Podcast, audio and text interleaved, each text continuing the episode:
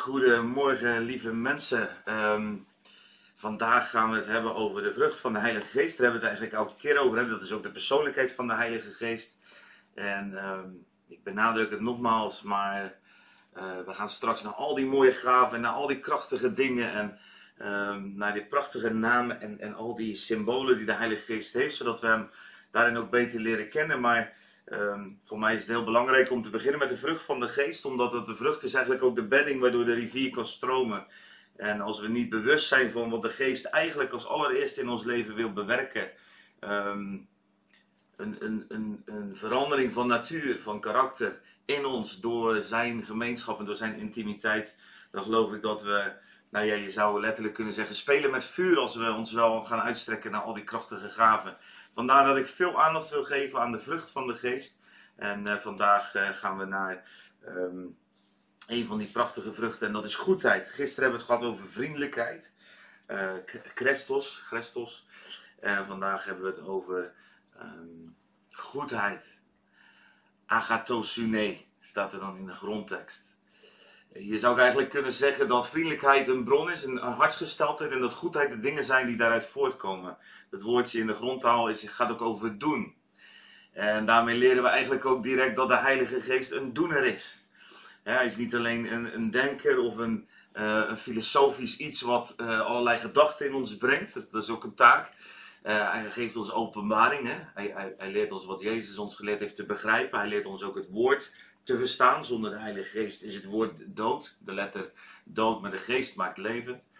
Um, maar de Heilige Geest is ook een doener. Je, je, ziet dat ook aan zijn namen, maar daar gaan we allemaal nog wel op komen. Het zijn ook allemaal werkwoorden. Troosten, helpen, bevrijden enzovoort. Wij zijn in ieder geval geroepen om goed te doen.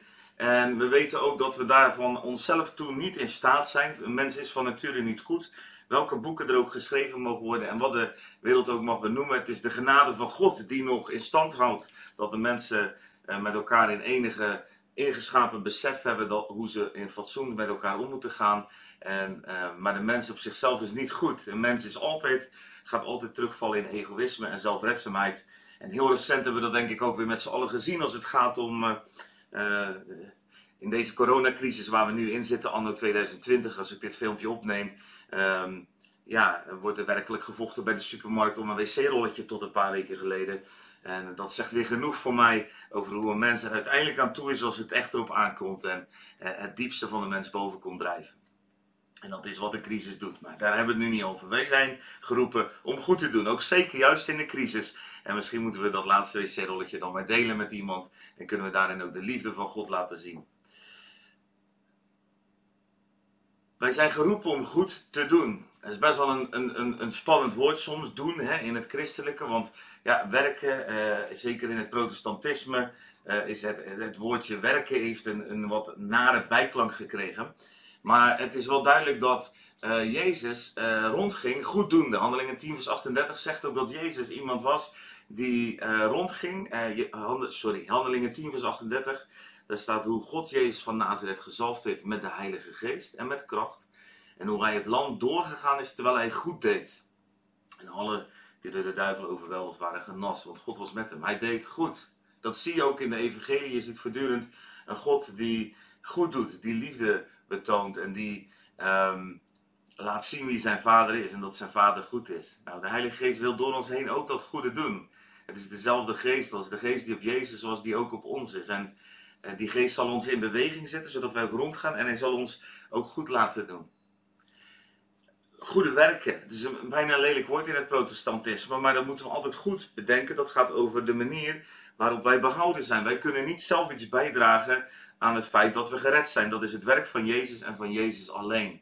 Efeze 2, vers 8 en 9 zegt dat ook zo mooi. Door genade zijn we behouden door het geloof. Het is niet uit uzelf, het is een gave van God. Niet uit de werk opdat niemand roemen. Maar wij zijn wel degelijk gemaakt om goede werken te doen. En als de Heilige Geest in ons komt wonen, zal Hij ons ook bewegen om die goede dingen te gaan doen. In Efeze 2, vers 10 staat een hele prachtige tekst. Wij zijn zijn maaksel, geschapen in Christus Jezus, om goede werken te doen die God van tevoren bereid heeft, opdat wij daarin zouden wandelen. Onze nieuwe natuur in Christus Jezus is geschapen om de goede werken te doen die God van tevoren al voorbereid heeft, de Vader. En dat wij daarin zouden moeten wandelen. En dat wandelen moeten wij doen door en in de kracht en in de zalving, de bekwaamheid van de Heilige Geest.